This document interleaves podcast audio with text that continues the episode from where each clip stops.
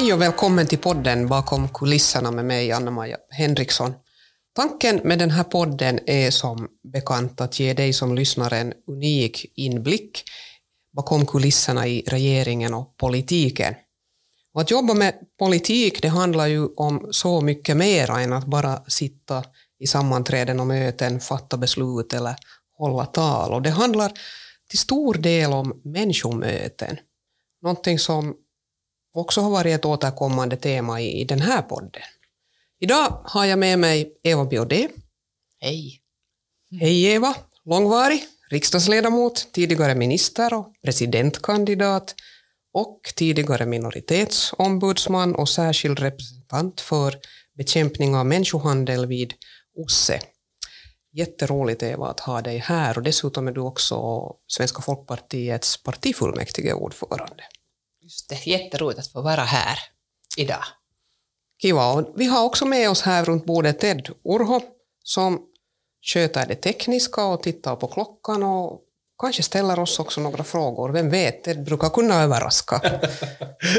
Roligt att få vara med. Välkommen. Om vi idag skulle lite fundera på riksdagen förr och nu. Nästa vår så har det gått 30 år sedan du blev invald i riksdagen första gången. Hjälp. Hjälp. Hjälp.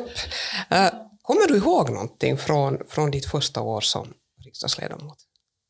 Jag kommer ihåg ganska mycket, men vad jag kommer ihåg är kanske nog eh, lite bisarra, underliga saker. Det är kanske inte alltid så där att om man skulle skriva historia så skulle det vara just det som man själv minns, för att man upplevde naturligtvis från en helt annan lins. Man var ju jätteny. Jag kommer ihåg att jag har någon gång irrat omkring någonstans där i de här korridorerna under jorden och, och tappat bort mig och sånt här. Att, att det var nog en, en jättespännande tid, det var det. Det var faktiskt så att vi var första gången närma oss 40 procent kvinnor, så det var ett sånt val. Det var också ganska spännande och jag kände att kände en, av den där förändringen? Det kändes, ja. och att, att det var liksom en, en ny start på något sätt. Men inte vet jag riktigt vad man minns. Uh, det var jättemycket att lära sig och på något sätt så kommer jag ihåg också att politikerna äh, överraskade mig positivt. Just det. Att jag hade liksom, redan då hade man kanske lite sämre bild av politiker och det var ganska länge, det tog ganska länge för mig att börja kalla mig politiker för att den här identifieringen var kanske inte bara positiv. Men, men man, jag blev positivt överraskad faktiskt av människorna. Ja, men det är roligt att höra. Det, där, det kommer jag också ihåg när jag själv började i politiken och blev invald i, i stadsfullmäktige i Jakobstad. Så var det länge som jag inte kunde som identifiera mig med ordet politiker. Mm, är det inte märkligt? Är det underligt? Ja. ja. Men på något sätt så är det, det är ett ord som är, som är laddat mm. på något sätt. Och på något sätt så fortsättningsvis tycker jag egentligen att det är roligare att kalla sig beslutsfattare men mm. nu är vi ju politiker, vi väljer väg för, för landet och för våra kommuner och regioner varje dag som vi jobbar med politik. Jag känner idag ganska mycket faktiskt att jag är, det känns jättenära nog att vara politiker. Ibland säger jag att jag är ett politiskt djur. Där ser man hur det utvecklas. jag, bara, jag blir bara nyfiken på det här. Känner ni att den här, har den här processen varit någonting som liksom samhället har bidragit till eller har det varit en intern process, det här liksom förlikningen med ordet politiker? jag tror att, att för mig var det nog det där att äh, jag hade en viss bild av att, att hur politiker är och den var kanske nödvändigtvis inte så, så positiv då när jag gick med i politiken. Men att, att nu har jag samma känsla som, som, som Eva också nu, att, att inte har jag idag något emot att säga att jag är politiker. Det finns absolut ingenting att skämmas för. Nej. Och kanske det ändå har att göra med att man, man lär sig naturligtvis jättemycket mer småningom vad det är att, att besluta. Man också till och med lär sig om sådana som, genom sådana som man inte tycker alls lika med, utan man ser att också de kanske funderar ganska mycket på vad de tror att det är bäst och klokast att göra i de situationerna. Och sen tror jag att ju mer ansvar man har fått att vara med om liksom, i olika positioner, så naturligtvis har det blivit ännu mer starkt den här känslan av att, att man är ju den här politikern faktiskt. Så är det, så är det säkert. Det där, när du ser nu på, på din tid så här i riksdagen, uh, finns det någonting som du saknar från den där tiden då i början av, av din karriär? Eh, eller tycker du att saker och ting har nu förändrats bara till det bättre? Ja, det är ju ofta man säger ju alltid att det är bättre förr, men, men inte det är säkert i alla saker så. Men, men nu finns det några saker som jag känner att har, har gått på något sätt, eller går just nu kanske särskilt snett. Och det är kanske det hur vi, hur vi tilltalar varandra.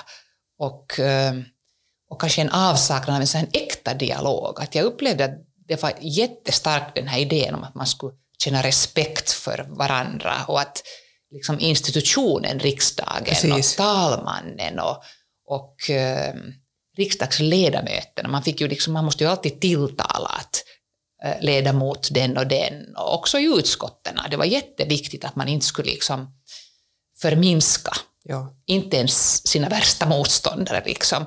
Och eh, jag upplever att på något sätt har, har vi tappat lite där, mm. och idag så, så är det nästan så att vissa kanske av ens kollegor sportar med att liksom vara särskilt fräcka eller, och inte engagera sig i en äkta dialog utan mera liksom slänga ut kvickheter eller dumheter till och med ibland för att få uppmärksamhet. Att det har ändrat och det kan hända att det är inte bara vi människor som har ändrat utan det är liksom hela medievärlden och uppmärksamheten, att vi finns hela tiden, att man uppträder hela tiden.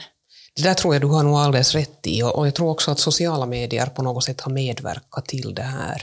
Men på ett sätt är det, är det, är det lite jobbigt, eh, för att riksdagen som institution är ju, är ju verkligen viktig. Den är, mm. den är viktig för finländarna och, och, och, och nu borde det ju vara så att man klarar av att upprätthålla en viss värdighet. Så är det. Och, och respekt i förhållande till varandra, att fast man har olika åsikter i, i, sakfrågor och kan ha det och ska ha det, så ska man kunna debattera dem. Mm utan att sen gå till personligheter eller utan att förvanska det som, man, eh, det som en annan anser. Det tycker jag också är kanske ett bekymmer vi har idag, att man avsiktligen vill tolka människor på ett visst sätt.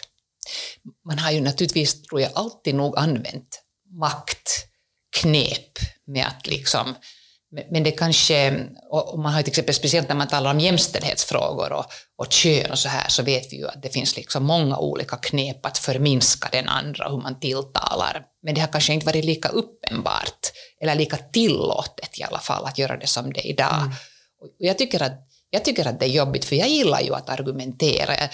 Ibland till och med gör det så att man kan tänka att det är för ivrigt, eller säkert ganska ofta, men, men på något sätt känner jag att det handlar att jag skulle vilja prata om de där frågorna och inte kanske det att man, man försöker vinna genom att förolämpa eller Exakt. att sätta den andra på något sätt i en dålig situation. Exakt. Och, och det här är lite konstigt, att det liksom blir mer ett spel, tycker jag idag. Ja, det är det, den här transparensen som, som du sa just det här om media och att, att vi lever i ett annorlunda medieklimat, så jag tror att vi eftersträvar ju det att vi skulle vara mer öppna och mm. transparenta. Mm men vi har kanske inte riktigt klarat av det. Nej, det, kan nog, det, det är nog säkert exakt så. Och det här får vi nog fortsätta jobba på. Jag tycker ju i och för sig att vi i vår riksdagsgrupp, vi är ju väldigt... Um, vi, vi försöker hålla oss till, till, till reglerna och, och, respektera varandra och våra kollegor i riksdagen. Och, och det, där, det är också där bra att föregå med gott exempel. Mm, så är det ibland tänker jag att det kanske är bra att inte vara jättestort parti. Att det är på något sätt hälsosamt. Man är så medveten om att du måste ha att göra med alla andra hela tiden. Du kan aldrig tro att du ensam kan bestämma. På något sätt har det fostrat oss, tror jag, som parti i SFP, att vi är liksom inriktade på dialog på ett annat sätt. Och det är ju ibland ganska mm. stolt över. Jag tycker ja. det är fint. Ja. Ni, ni pratar båda två ganska mycket nu om, om liksom just kommunikationen med, med kollegor, andra mm. riksdags, eh, riksdagsledamöter och, och liksom förtroendevalda. Hur är det sen med den här kommunikationen så att säga, med väljarna, med fältet? Hur har den till exempel förändrats på, på 30 år? Ja, jag minns det här. Det är nog jättesvårt att sätta det så här i perspektiv när man har levt det hela tiden. Men eh, verktygen är ju annorlunda att det ringer faktiskt betydligt färre människor idag, tycker jag, än vad det gjorde då. Um, jag, jag, jag, tror att jag någon gång hade till och med hemliga telefonnummer, men jag vet inte ens om det behövs mera. sen hade man ju olika. Man hade ju, man hade ju inte telefonen hela tiden på sig, utan man hade den där piparen. I riksdagen hade vi en sån här liten i fickan. Det har jag inte upplevt. Nej, det fanns inte. Men du vet att utanför plenisalen så har vi, hade vi telefonboxar och de Okej. fanns ju överallt. Så det, när det började surra i fickan så skulle man springa i telefonen Aha. ut från. Ut från plenisalen då Eller var man än var. var. Okej, det var ju spännande. Det har jag ju inte upplevt överhuvudtaget. Just det, inte jag hade det. glömt. Men det, kom, det, det ser man ju då man går omkring i riksdagshuset så finns ju de här eh, tidigare eller telefonboxarna där det sen det fanns säkert telefoner i dem också någon gång Ja, förr. det gjorde det. det gjorde här efter, här efter är det bara hytter som, dit man går in och så ringer man från sin egen, egen telefon. Jag tror att det där är, det är också nog på något sätt så att jag ser ju det i, i mitt jobb nu som, som, som minister att, att det kommer ju väldigt mycket e-post och det kommer väldigt mycket via sociala medier, frågor, kommentarer och så vidare. Men folk ringer nog också. Och, och, och mina medarbetare och, min sekreterare så de får nog svara på de mest mest spännande frågor. Det är nog liksom väldigt, väldigt omfattande. och, och, så att, att eh, det är säkert, det, det varierar lite det där eh, Ja. intensiteten, men jag tror att, att eh, just det att man att vi är så tillgängliga via sociala medier. Så det är ju den vägen som vi kanske idag nu mera kommunicerar också med väljarna direkt.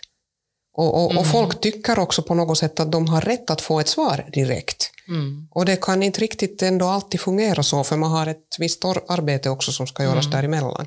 Jag tror att du som minister Ja. är naturligtvis särskilt liksom, eh, det är helt enkelt en så jätteoffentlig att det är ju inte ens bara liksom våra SFP-väljare eller bara svenskspråkiga utan det är liksom Nej, hela nej, utan folket. det är hela folket. Det är ju liksom det Så det är ganska många människor som, som har ärenden. Och sen naturligtvis också det att du är justitieminister, så man tänker på något sätt att du är liksom rättskämpen in i det sista, som kan lösa alla. Som kan lösa alla problem. Alla, ja. Jo.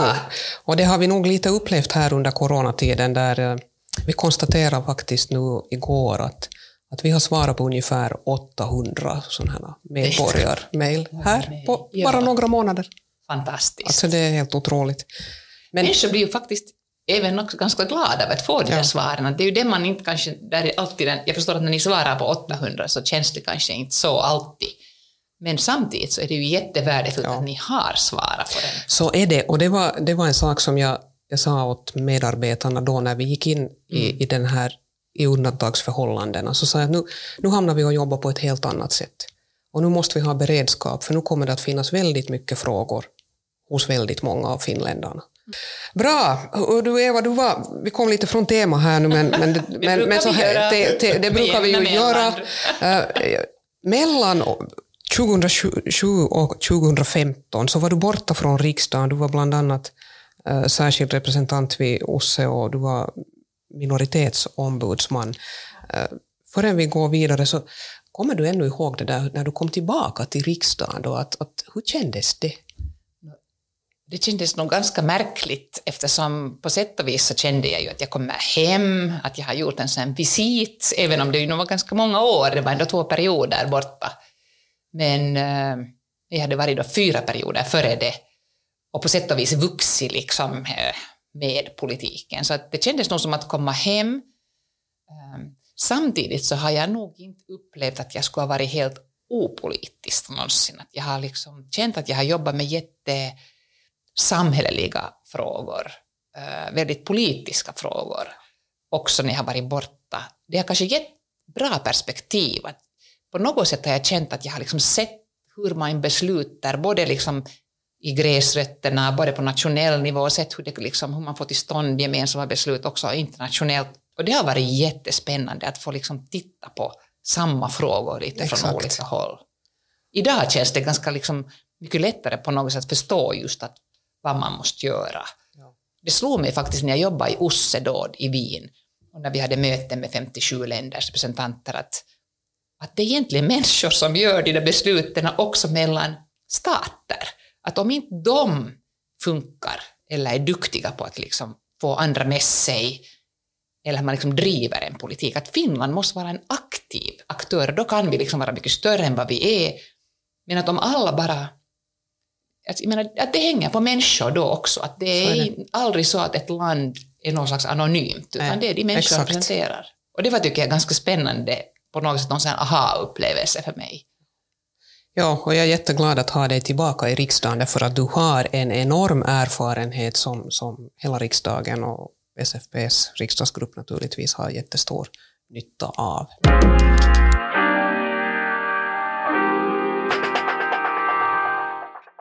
Mänskliga rättigheter.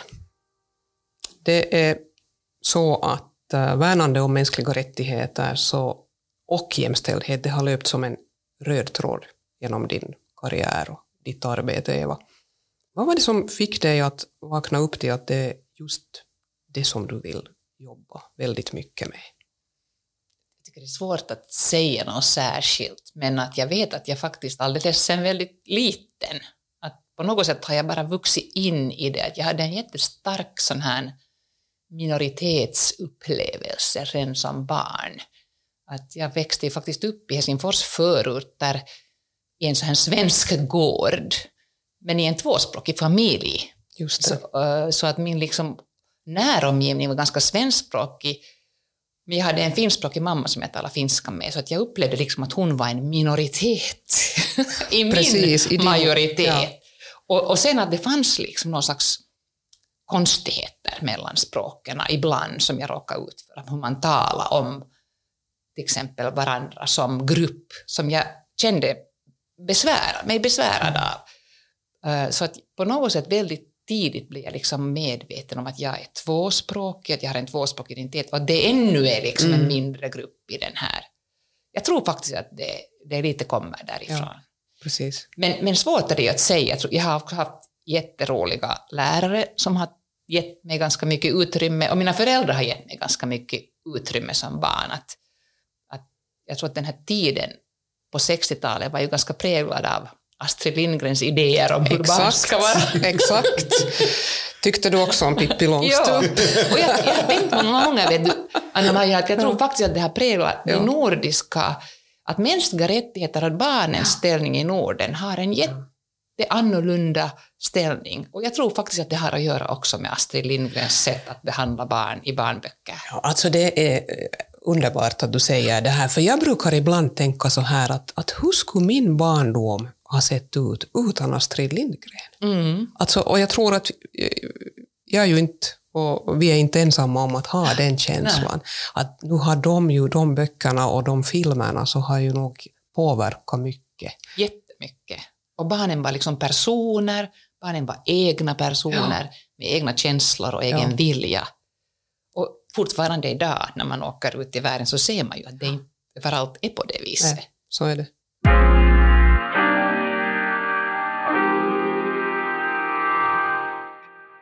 Du har ju också nu suttit i Helsingfors fullmäktige och det där det är ganska spännande det här att du har jobbat liksom nu på alla nivåer. Du har jobbat på internationella nivån, du jobbar eh, hela tiden nu på den nationella men också, också på den kommunala nivån. Hur det där upplever du de här olika äh, ställena och platserna där du liksom äh, fattar beslut? Finns det, finns det någon sån röd tråd? Finns det någonting som liknar riksdagen i Helsingfors fullmäktige till exempel, annat än att där finns vissa ledamöter som är de samma? Det finns ganska många som är samma.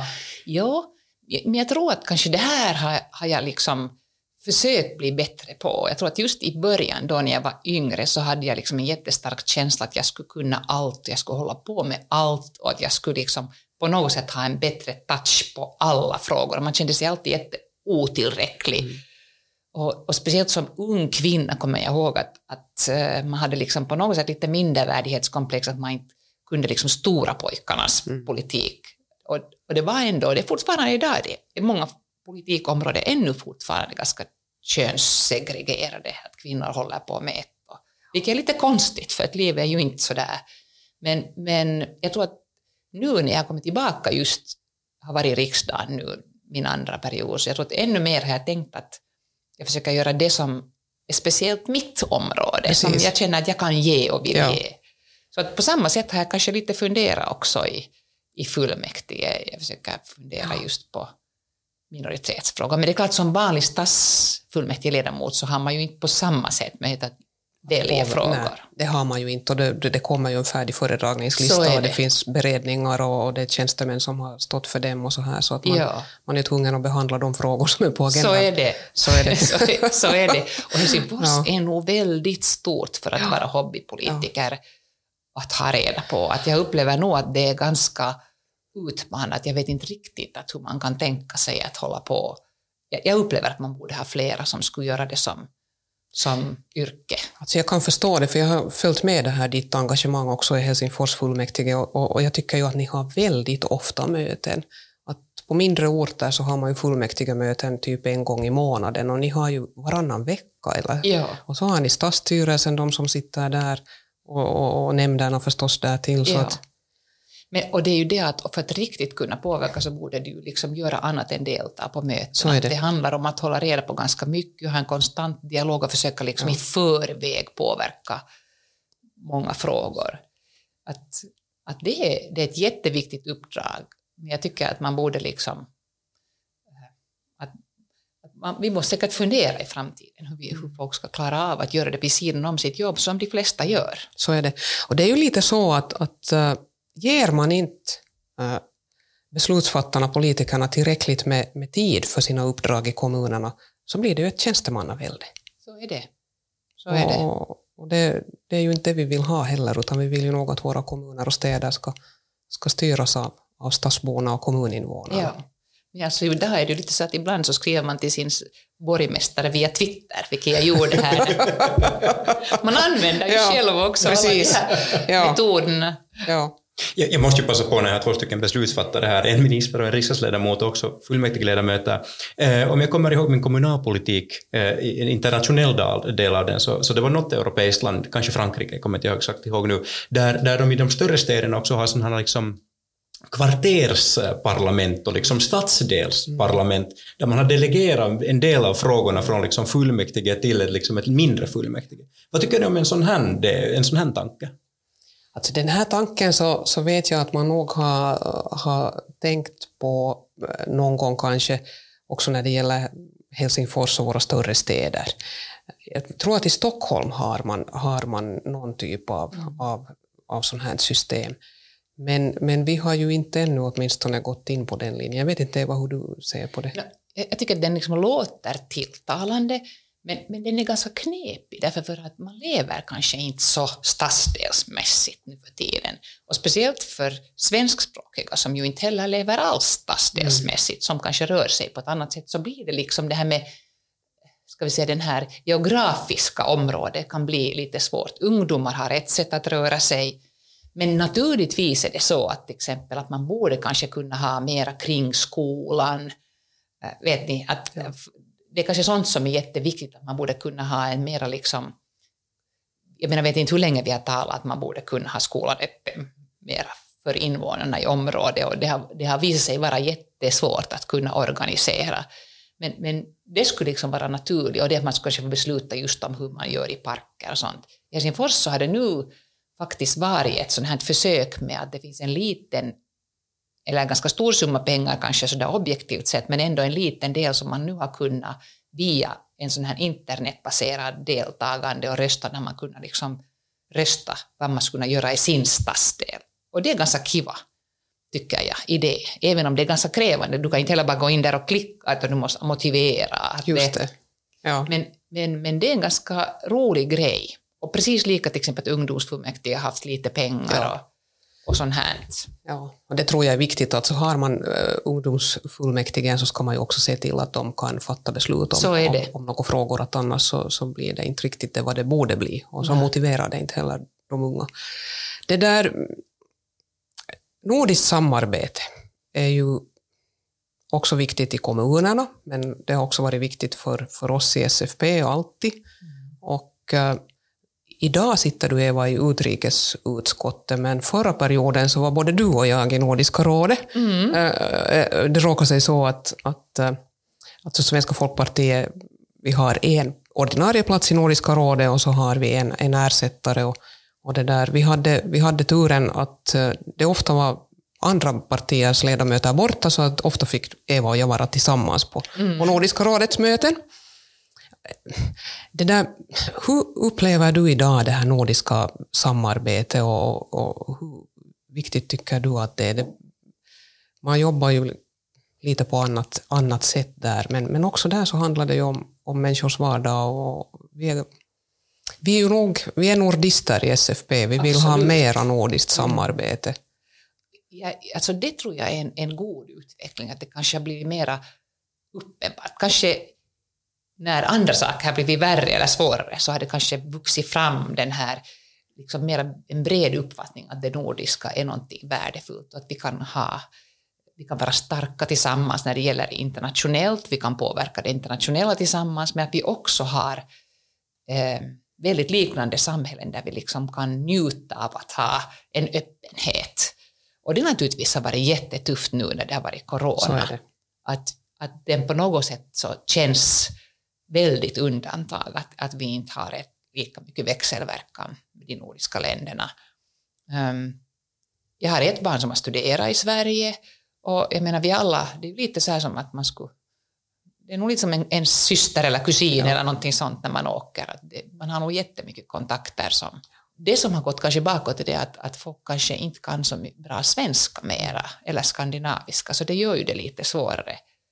Samtidigt som just nu har vi en politikergeneration, i regeringen verkar det som ganska många ska kunna ja. svenska. Det har du rätt i och det såg vi ju nog då vi, vi satt i Nordiska rådet att, att, att språket har ju nog en jättestor betydelse och, och man kommer ju betydligt närmare andra ledamöter från andra, andra nordiska parlament då man kan tala kan tala svenska. Och det, är ju, det var också intressant att se det att, att SFPs roll i Nordiska rådet i mittengruppen, som, var, som är den största gruppen i, mm. i, i mm. det där i Nordiska rådet. Så den blev de facto ganska betydande. Att, att det var ganska spännande att sitta där i den största parlamentariska gruppen och uh, själv komma då från ett parti som, som nog gavs mycket utrymme där och det utrymme så tog vi ju nog. Mm. Och det har naturligtvis att göra med språket. Ja, att ja. naturligtvis det var svårare för, för ja. de som inte talar så bra svenska att vara liksom naturliga eller ja. spontana, uh, vilket det kräver. Man måste ju kunna delta i en dialog också ja. lite spontant, att man inte bara håller färdiga tal för att, det. För att det är ju inte liksom riktigt riktigt. Jag tycker att det har varit jättevärdefullt. Det har varit många saker och jag har i många av mina arbeten också som när jag jobbar mot människohandel och sånt så har vi haft jätteutbyte ja. av att lära oss från äh, erfarenheter från Norden och, och växelverkan. Ja. Det underliga är att det är ibland vissa frågor som, som andra är bättre och sen är det vissa som vi är bättre. Att det går liksom inte alltid så där att alla frågor går i jämn bredd, utan det är ja. faktiskt väldigt värdefullt. Ja, det är så.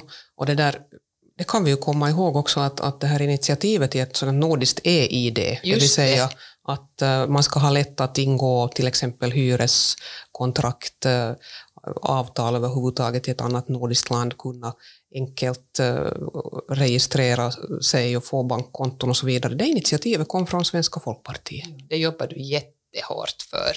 Jag, jag tror nog att alla förknippar det med det. Och nu, nu ska vi ska ändå jobba, jobba det i mål, men det där, mm. också där så, så det där har du också varit, mm. varit mycket med. Men, men det är klart att, att, att också de här frågorna om mänskliga rättigheter, eh, den här frågan om människohandel, så där har vi mycket att göra också tillsammans med de nordiska mm. länderna. Det har vi.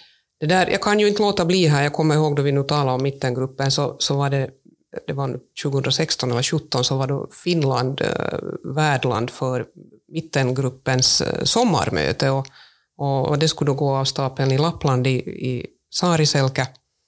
Och det där, till det här sommarmötet så kom då ledamöter från alla våra nordiska eh, grannländer, bland annat var där Bertel Harder från, från Danmark som tror jag är Nordens mest långvariga minister. Han, han, har alltså enormt många ministerår. Ja. Så till och med Johannes, jo, jo, alltså Johannes Virolainen bleknar. Ja. ja. som, som väl leder den finska ministerligan, tror jag, i antalet äh, ministerdagar.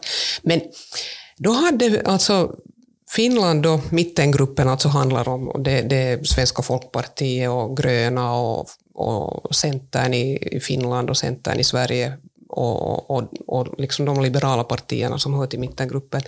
Så vi skulle ju då ordna program och, och vår kollega Mikko Kärne hade fått i från uppgift finska att, från finska centern hade fått i uppdrag att, att stå för en del av det här programmet. Och vi hade fått meddelande att, att vi ska nu gå på en promenad där i Urho Kekkonens nationalpark. Just det. Vi borde ju egentligen kunna förstå vad som väntar, han är ju en gammal gränsbevakare. Alltså, och, och det var ju bara så att, att vi hade ju, jag hade åtminstone inte riktigt hiffat det här, jag hade nog helt bekväma skor, men, men det där, det visade sig nu då sen att, att äh, vi skulle gå alltså över 10 kilometer. Det var bara och, en liten promenad. Det var bara en liten promenad och det blev över 10 kilometer och jag hade just tänkt att, att äh, det säkert finns något sån här Äh, mellananhalter där vi skulle serveras lite lämplig äh, dryck och kanske något mellanmål. Äh, det visade sig att, att det enda mellanmålet som, som serverades så, som kom från Mikko Kärnäs äh, ryggsäck och där fanns då en bit äh, väldigt gott i och för sig torkat torkat renkött och så så därefter kanske fem kilometer så, så stannade han och sa att, att vem skulle vilja ha lite mellanmål och så skar han upp då av det här renköttet. Med pokon. Med pokon riktigt sådär typiskt finskt. och det var vårt mellanmål. Ja. Men det var ju inte, det var, liksom, det, det var nog inte det stora bekymret, utan det stora bekymret var kanske det att, att med där på den här promenaden så var många äldre män. Och vissa kom ju alltså i sina promenadskor mm. och eh, och så gick det ju sen så alltså att äh, vädret stod oss inte heller riktigt bi. Det var soligt när vi startade, men plötsligt kom det något sånt isigt regn. Sen kom det ett isigt regn när vi just gick över den högsta toppen och så blåste det upp till ett herrans äh, regnväder och det var nästan så det haglade. Ja, det var kallt. och det var kallt. kallt. Och jag tror Eva att, att du har sällan sett mig så, så, så liksom äh, både upprörd och arg som under den promenaden. Ja, jag tror faktiskt att jag aldrig har sett dig så arg. Du var som en sån här surrande moped och så kom det avgaser ur alla.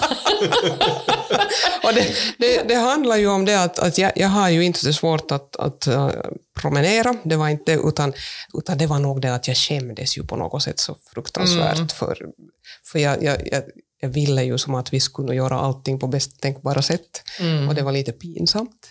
Men sånt här kan alltså hända och det här får nu alla som hör den här podden veta nu. Det här har vi inte berättat Det, är sånt här som är hemskt när det, när det sker, när man ja. lever det, men sen efteråt tycker man att det var jättevitsigt. Ja, det är exakt så, det ska vi väl säga att, att det slutar ju sen helt väl. Vi, vi, vi, vi klarade oss, ingen, ingen dog på den här vandringen, ingen skadade sig.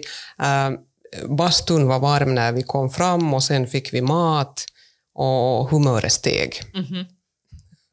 så att det, vi det sjöng finska sånger. Och sen sjöng vi finska sånger och sen kom Eva och jag också fram till att vi måste ju också bidra med den finlandssvenska sångkulturen. Så att mm.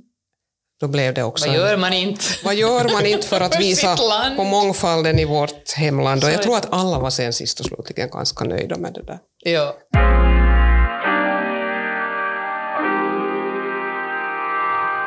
Vi har en högst exceptionell tid bakom oss. Vi har levt i undantagsförhållanden i, i tre månader i det här landet på grund av coronaviruset och, och, och, det har krävt en massa av oss alla. Och det där... Eva, jag vet att, att under den här tiden så upplevde du också stor frustration över att inte kunna träffa din mamma mm. så som du brukar göra. Och, och du initierade sen ett, ett uh, projekt eh, för att göra det lättare att, att träffa sina nära och kära på, på dygnet runt äldreboenden. Eh, kan du berätta lite om det här? Jag, jag kan berätta att det var ju naturligtvis så, man var ju jätteolycklig över det att man inte kunde träffa min mamma är alltså jättegammal, hon är över 90 år och, och, och har minnessjukdom, så det liksom hämtar många sådana olika ska vi säga, som ingredienser som gör att det är liksom svårare att, att över telefon eller någonting sånt här ha kommunikation. Och jag tror att oberoende fast man skulle helt normalt kunna prata i telefon så är det ändå inte samma som att träffas och kunna på något sätt känna att den andra är bredvid. Uh, och det var nog jättejobbigt. Uh, Och jag tänkte bara, jag, jag, jag funderar jättemycket på hur man skulle kunna ordna. Jag, jag oroar mig för det att man inte liksom var tillräckligt... Jag hade kanske väntat mig att alla skulle börja hitta på massa olika knep på boenden, att man skulle liksom på något sätt, men vi var ganska upptagna av hela den här situationen, så det tog säkert en tid när man försökte, de försökte säkert ordna personalärenden och allt, jag förstår nog det. Men, men så såg jag faktiskt på Facebook en, en sån här från Holland, ett sån här, en liten video där det visade sig att äldre människor från äldreboende kunde träffas i en sån här container, eller någon slags, lite som en husvagn med mer container-style. så att man kom in ja. från båda hållen och så var det ett plexiglas emellan och så fanns det. det då ett, ett audiosystem som gjorde att de kunde prata helt normalt. Precis. Det var liksom inte någon sån här stopp, eh, man hör bara det ena, utan det var riktigt och så var det dessutom på holländsk vis var det ju blommor och ja. kaffe och ja, allting sånt här. Exakt. Som kanske är lite för mycket att vänta sig, men, men så tänkte jag att varför gör vi inte det här? Och inte hade jag någon aning om hur det skulle göras, men så bombarderade jag bara min, äh, det äldreboendets direktör som chefen för det äldreboendet var min mamma bor och, och hon på något sätt tog tag i det när hon såg videon. Jag tror att utan den här videon skulle jag nog kanske inte ha lyckats. Ja. För att det var så svårt att kanske att förstå. Ja. Men det såg så trevligt ut där. Och sen så, så ordnade hon det bara. Och jag måste säga att jag har sällan fått så mycket tack. Det var, den är helt den är fullt använd fortfarande. Det bor över hundra äldre på det här äldreboendet, av lite olika, alla är inte minnessjuka, men, men ändå som inte har kunnat träffa sina anhöriga Eh, på jättelänge. Och, och folk har varit, varit faktiskt lyckliga ja. över att det finns. Det här är ju fantastiskt nå. Jag tycker det var alldeles underbart att du, du hittade den här videon och, och, och, drev det vidare. Att, att det är ju så en beslutsfattare och politiker ska göra. Man är ju van att inte ge sig första exakt, taget. Exakt. ja, ja nej, men det var, det var jätte, jättefint och det där eh, jag kommer ihåg den här artikeln som var på, på mm. Husis också, den var, den var jättefin. Och det där. Din mamma såg ut att må bra. Ja, det där. faktiskt ganska mycket publicitet, vilket jag inte hade liksom tänkt, för jag på något sätt föreställde mig att det skulle, vara, att det skulle finnas flera idéer. Men, men det är säkert så att man är alltid på något sätt ändå långsam att hitta på nya idéer. Så därför så var jag jätteglad att det inte var bara vi, Nej. utan jag fick höra sen att man i många kommuner hade gjort liknande ja, grejer. Precis. Och det var ju faktiskt bara för att fortfarande, om det nu skulle behövas ännu, Exakt. så var det inte en dyr grej, det var faktiskt överraskande förmånlig. Speciellt om det finns lite fler boenden så, så, på, på, så blir det verkligen inte mycket. Har det, där, har det gått uh, annars också framåt nu, alltså, eller träffar du henne ännu i den här kontin? Eller, Igår eller faktiskt träffade jag henne i kontin för det regnade. Just det. Um, men, men jag har nog fått nu träffa min mamma utomhus, men i början var det ju, nu har vi till och med förlängt så att man får träffa två timmar. Ja, men, det, men, men, det var ja. faktiskt bara en halvtimme ja. i början. Fortfarande får vi inte röra varandra och man måste ha så här ansiktsskydd, okay. vilket jag nu tycker att är lite överdrivet om man sitter på långt avstånd. Ja, exakt. För att till exempel, alltså det, det är så små saker som att man försöker göra... Ler. Ja, och sen också det till exempel att, att jag försöker ju då hitta på saker som gör henne liksom glad, mm. eller som gör lite liksom lyxig tillvaro. Det kan vara med en glass. Exakt. Men då är det ganska viktigt att man kan dela glasstunden. Att ja. Inte är det så kiva för henne att ensam sitta och äta. Hur, hur gör jag det med det där munskyddet? Nej, precis. Så att det finns saker som, som, som vi borde bli bättre på att vara flexiblare. Ja, så är det. Vi alla anhöriga vill ju ändå skydda också våra så, så är det förstås. Åldringar. Ja, så är det. Och därför är det ju nog så i praktiken nu att, att äh, det, det är ju alltså de här enskilda boendeenheterna nu som själva kan bestämma hur de här situationerna ska skötas och på vilket sätt man kan träffas. Ja. Men att man måste minnas det att nu har ju de äldre de har, de har samma mänskliga rättigheter som du och jag. Så är det. Och det får man ju inte glömma bort. Nej. Och jag tror kanske hela den här Ehm, när man talar om just det här att skydda oss mot smittan. Och jag tycker det, det, det var, du har haft en enorm insats, att du har liksom påmint om att man kan inte göra liksom sådana här övergripande ingrepp i alla människors friheter Nej. Utan att liksom hela tiden balansera ja. vad det betyder för enskilda människor. Och, och, alla åldringar är inte i samma situation och, och det är ju faktiskt ja. också farligt för dem att inte träffa sina anhöriga, att inte kunna röra på ja. sig. Det, Så är det. både hälsovådligt men det är också eh, jätte, jätte, en stort ingrepp i deras liksom välmående, deras välbefinnande, deras frihet. Det är exakt så. Det är ju därför som det är så otroligt viktigt nu att, att nu när vi, vi, har ändå, vi har en bra situation just nu med den här coronan, det är väldigt få nya fall varje dag i Finland för tillfället. Eh, samtidigt så vet vi att ute i världen så, så, så är det inte på något sätt över. Och, och det där. Men, men det är också förstås så att, att eh, vi måste ju minnas också att leva.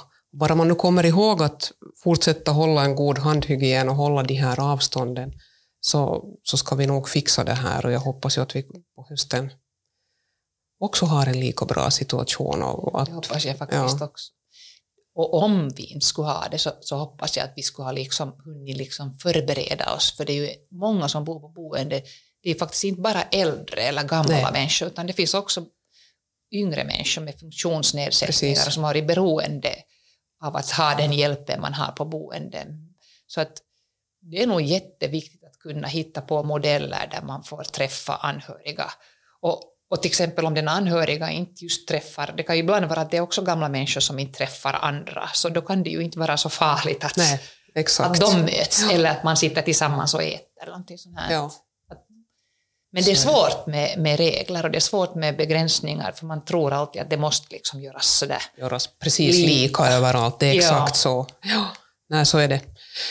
Bra, men hörru Eva, nu är det, nu är det sommar. Mm. Riksdagen har nu en plenifri tid här fram till slutet av augusti. Vi har riksdagsgruppens sommarmöte där i augusti och, och jag har också nu några veckors semester så småningom. Ja. Men vad ska du göra i sommar? Jag ska faktiskt vara på mitt lande i Bromarv och sen ska vi nog säkert åka lite med båt. Ehm, jag har nog redan någon sommarfest också på lut. bra, bra, bra, bra. Så att, eh, jag- jag har faktiskt helt, jag ser väldigt mycket fram emot att få egentligen ta det lugnt. Det är ganska egentligen, samtidigt är det lite befriande att man inte måste ha så mycket program nu när, när det inte är så önskvärt att man har så mycket Det- program. Det är fantastiskt nog, tycker jag också. Det, det är på ett sätt nog riktigt skönt. Ja, Det är det. ja. Men det där, kan du liksom koppla av? Kan du liksom vara, vara den här, eh, ska vi säga, den, den privata Eva nu under sommaren? Nu tror jag det. Ja. Men det är klart att man följer ju med och så här. Men, men jag, jag tycker inte att det är så jobbigt att, eh, att lite... Jag har inte så problem med att liksom också tala lite jobb ibland Nej. och så här. Att, att det kanske är det när man är jätte, jätte passionerad med sitt jobb så har man naturligtvis lite problem med att lämna det. Så Exakt. att det är kanske mera de andra som påminner att man inte, man inte ska vara där. Men så länge man inte har en sån tidtabell, det är att du får dricka kaffe lång tid på morgonen, Precis. och du inte har en tidtabell. Så jag tycker det är faktiskt det som är det mest avkopplande. Och jag tycker exakt samma. Jag tycker också att det är så fantastiskt skönt det där att inte ha en minut tidtabell. Och det där, jag har ju nog lite samma, jag tänkte säga yrkesskada som du, att, att, att man, man är ju så inne i den här politiken och i de här frågorna som man sysslar med, så nu har man lite svårt att koppla bort. Sen då hör man någon nyhet, någon säger någonting och så tycker man, nej det där skulle jag måste reagera på. Alltså jag tycker att det där är faktiskt det mest frustrerande när man, när man går igång på någonting och det kommer en pling i telefonen att nu har det här hänt och sen liksom försöker man berätta att den här omgivningen att men det här är ju på gång nu, det här är jätteviktigt. Och de sitter alla runt omkring och säger ja men vi ska gå i bastun nu, Ja, det här får exakt. vänta inte det här, Exakt. det här, nu är inte så spännande. Ja. Så, men det här är ju viktigt, det här är viktigt, men alla kanske inte riktigt uppfattar det så. Ja. Det är just så. Men det är ju det som hämtar de här nya alla WhatsApp och alla de här. Du kan ibland skicka ett litet meddelande till en kollega som du vet att är lika intresserad i smyg. och så vet du att du delar den här stunden med Ja, någon. ja det, det, är ju, det är precis så. Och så hittar du någon artikel som du tycker att det här är ju liksom ett, vad Ja. säger den här människan? Ja. Och det här måste du också dela med någon som förstår sig på att varför man tycker att det där är underligt.